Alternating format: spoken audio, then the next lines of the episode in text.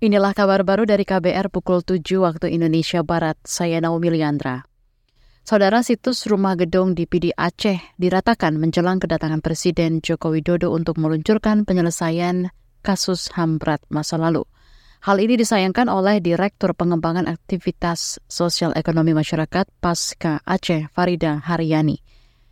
Sebab rumah gedung adalah situs bersejarah kasus HAM berat masa lalu. Rumah gedung merupakan bekas pos keamanan yang digunakan sebagai tempat penyiksaan dan pembunuhan warga sipil selama masa konflik Aceh 1989 hingga 1998. Itu udah rata dengan tanah, hanya tinggal tok tangga. Tidak ada satu apa pun kecuali tangga. Itu pun karena kita rame-rame kemarin berteriak supaya itu jangan dibuang. Direktur Pasca Aceh Farida Haryani menambahkan rumah gedung telah dirobohkan dan hanya menyisakan lima anak tangga, bekas sumur dan WC yang tertutup puing-puing. Beberapa bagian itu tidak ikut diratakan setelah dirinya bersama beberapa aktivis HAM menggelar protes di lokasi. Kita ke soal lain. Polri masih mengkaji syarat sertifikat mengemudi bagi warga yang ingin membuat surat izin mengemudi SIM. Syarat ini sebagai legitimasi kemampuan berkendara calon pemohon SIM dan hanya berlaku untuk kendaraan roda 4.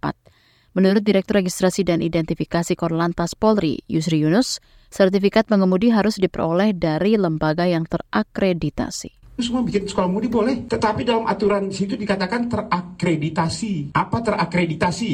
Yang pertama, dia badan hukum yang memang resmi. Kemudian harus ada keterlibatan dari Kementerian Tenaga Kerja, harus dari pendidikan dari Kementerian Pendidikan ya untuk dia punya legitimasi uh, badan hukumnya. Juga harus dari Menteri Perhubungan untuk kendaraan-kendaraan yang akan dipakai untuk latihan. Terakhir adalah instrukturnya.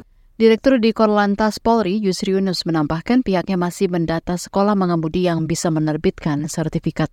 Yusri belum bisa memastikan kapan syarat sertifikat mengemudi diberlakukan.